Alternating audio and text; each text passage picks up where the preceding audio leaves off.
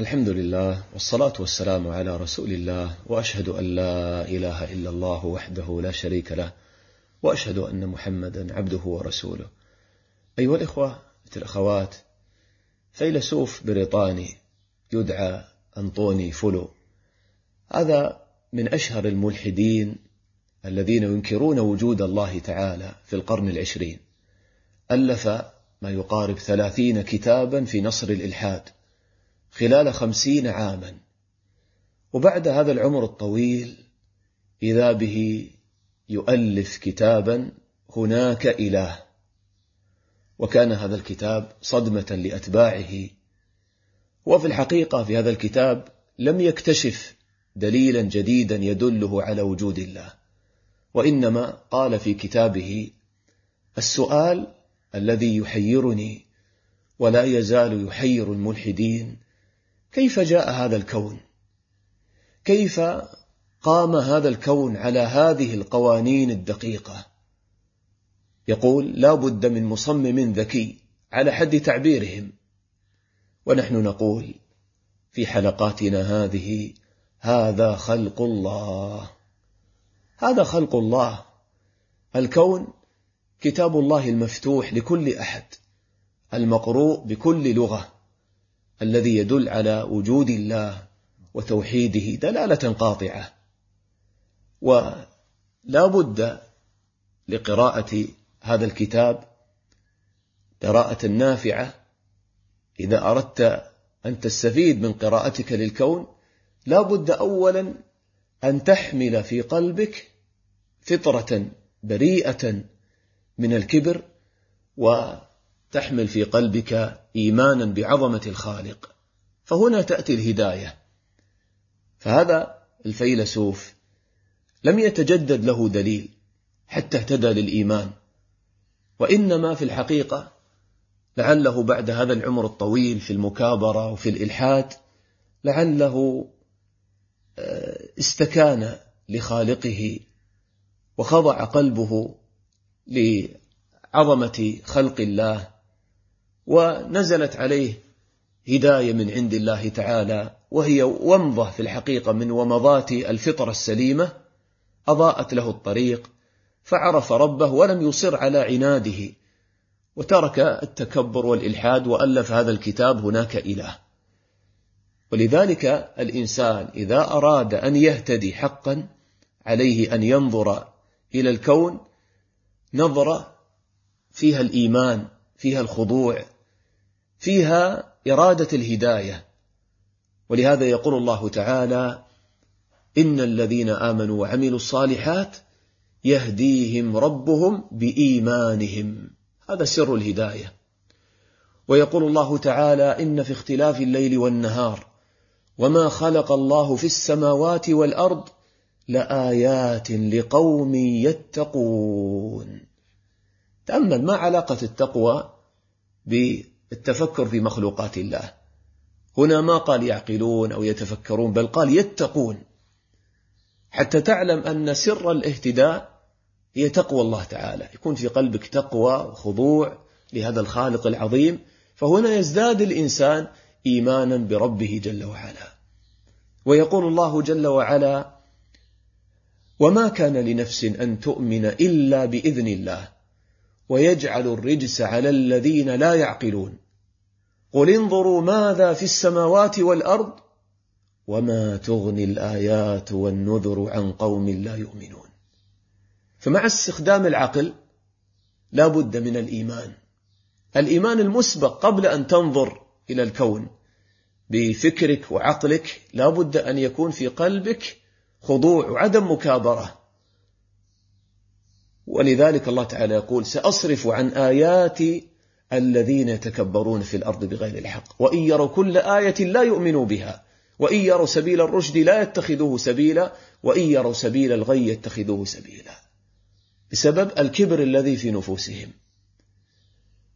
ولذلك تأمل في المقابل هذا الأعرابي الذي ما عنده علم ولا تعلم في مدارس أو جامعات. يقول ببراءة فطرته وهو ينظر إلى هذا الكون ينظر إلى خلق الله يقول البعرة تدل على البعير والأثر يدل على المسير. فسماء ذات أبراج وأرض ذات فجاج ألا يدل ذلك على اللطيف الخبير؟ سبحانه جل جلاله. ولذلك تأمل في هذه النظرة البريئة من هذا الأعرابي فطرة سليمة وبديهة عقلية أن كل مخلوق لابد له من خالق فكيف بهذا الكون المتقن هذا الكون البديع هذا الكون المتناسق؟ ولهذا تأمل كيف أن القرآن الكريم يلاحق كل ما يخطر ببال الإنسان من شكوك في هذه المسألة فيفندها حتى يكون الإنسان موقنا بربه جل وعلا. سمع جبير بن مطعم رضي الله عنه النبي صلى الله عليه وسلم وهو يقرأ في صلاة المغرب بسورة الطور وهذا كان قبل إسلام جبير رضي الله عنه. سمع جبير النبي صلى الله عليه وسلم يقرأ بقول الله تعالى أم خلقوا من غير شيء؟ أم هم الخالقون؟ أم خلقوا السماوات والأرض بل لا يوقنون؟ قال فكاد قلبي أن يطير. وكان ذلك أول ما وقر الإسلام في قلبي. تأمل الله تعالى يقول أم خلقوا من غير شيء؟ هل يمكن أن يوجد هذا الكون صدفة؟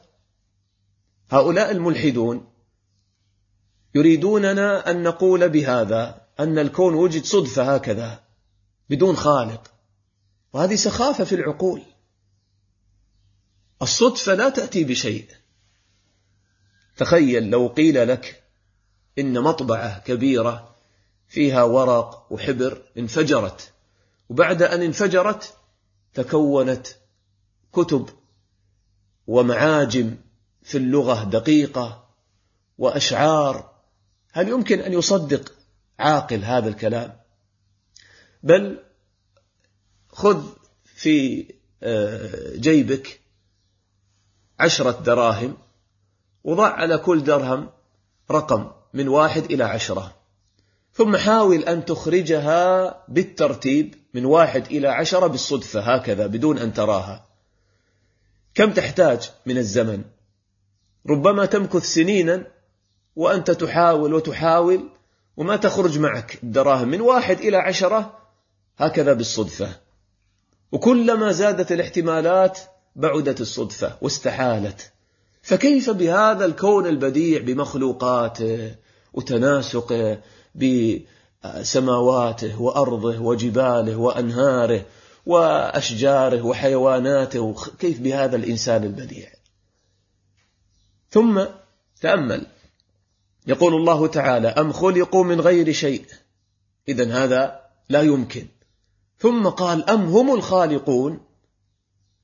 هل يمكن أن يخلق الشيء نفسه؟ أيضا هذا يستحيل في العقول. لو قيل لك هذه السيارة وجدت بنفسها أوجدت نفسها جاءت هذه القطع من حديد مع المكنة مع العجلات وهكذا تركبت هذه الأجهزة والقطع والعجلات وتكونت هذه السيارة بنفسها.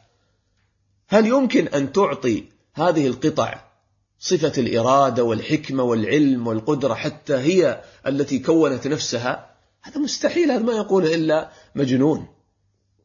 فكيف بعد ذلك يقال أن هذا الكون أوجد نفسه أو هذه الطبيعة هي التي أوجدت نفسها؟ نعم هناك بعض المخلوقات تتطور ممكن ويعني آه، يكون لها نمو في المراحل النمو حتى تخرج لكن من الذي أوجد الخلية الأولى؟ من الذي أوجد هذا المخلوق الأول؟ ف ومن الذي رعاها في هذا التطور حتى كانت بهذه الصورة؟ فإذا هذا أمر أيضا لا يمكن أن يكون.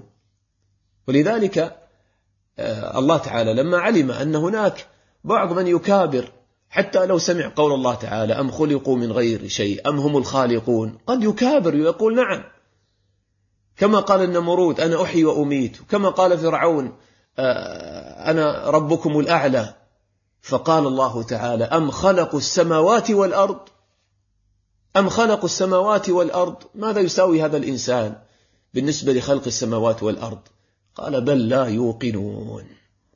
وهذا الموضوع في الحقيقة موضوع مهم في زماننا لأن حركة الإلحاد وهي إنكار وجود الله تعالى أصبحت موجة هائجة في البلاد الغربية. هناك بعض البلدان أصبحت الغالبية فيها على الإلحاد ودول أوروبا تقريبا يعني هذه إحصائيات في عام 2010 يعني كثير منها هذه الدول تصل نسبة الإلحاد فيها إلى 20% كما يوجد في بريطانيا في فرنسا وغيرها من الدول وكذلك أمريكا.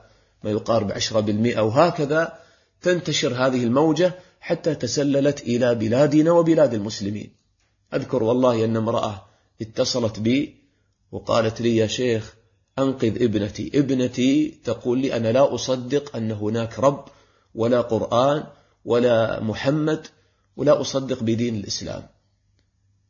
وأذكر مرة جلست مع شاب آه، مسلم ومواطن وترك دين الإسلام ثلاث سنوات.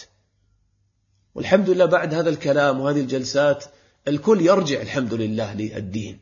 لكن الإشكال أنه دخلت على قلوبهم هذه الشبهات. لكن في الحقيقة المسلم عندما ينظر إلى خلق الله هذا خلق الله. ينظر إلى هذا الكون بتناسقه البديع بجماله بعظمته بروعته.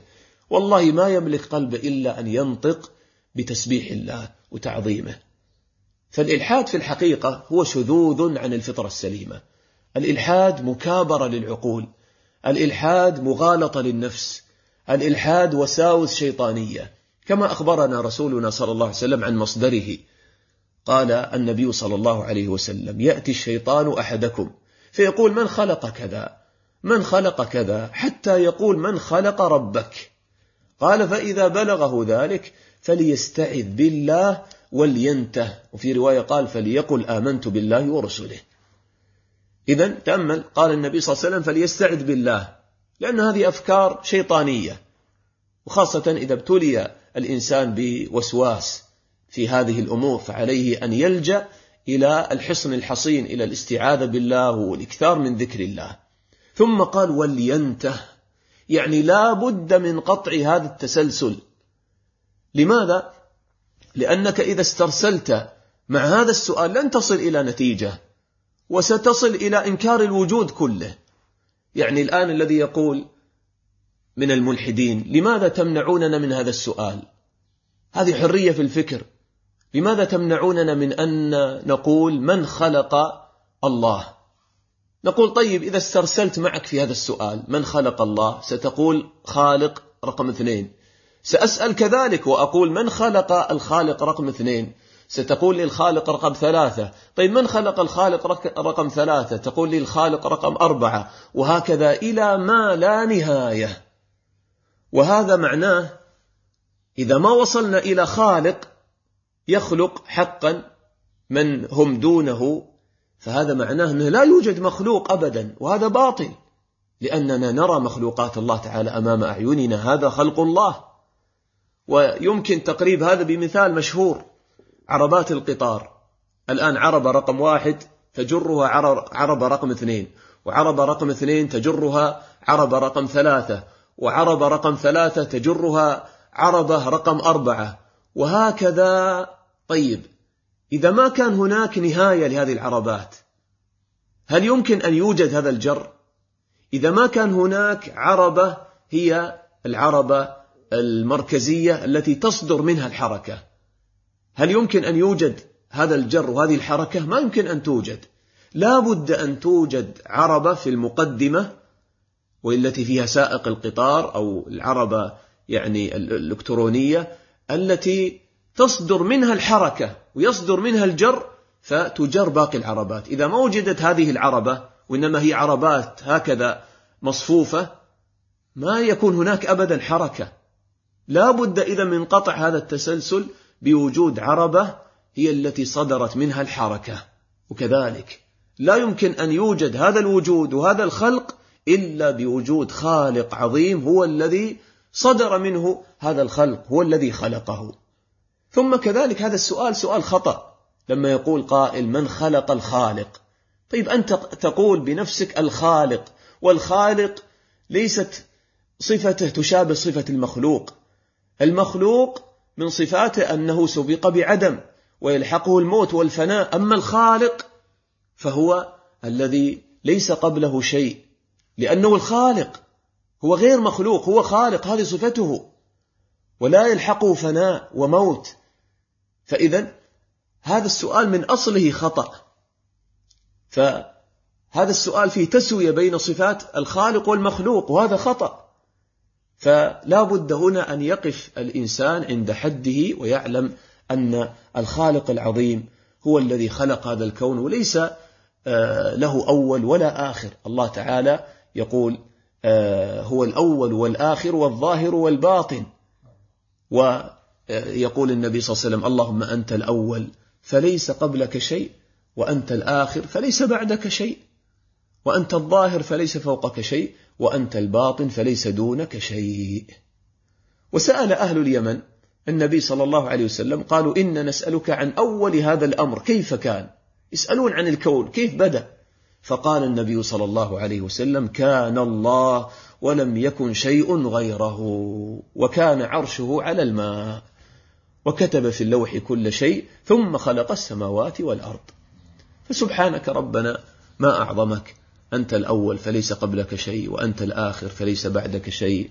اللهم لا إله إلا أنت. ونسأل الله تعالى أن يزيدنا إيمانا ويقينا. وكلما تفكر المسلم في خلق الله تعالى عرف ربه وازداد إيمانا بربه جل وعلا. نسأل الله تعالى أن يطمئن قلوب المسلمين بالإيمان والتوحيد. وأن يبعد عنهم الشكوك والشبهات. نسأله تعالى أن يعفو عنا ويرحمنا. والحمد لله رب العالمين. وصلى الله وسلم على نبينا محمد وعلى آله وصحبه أجمعين.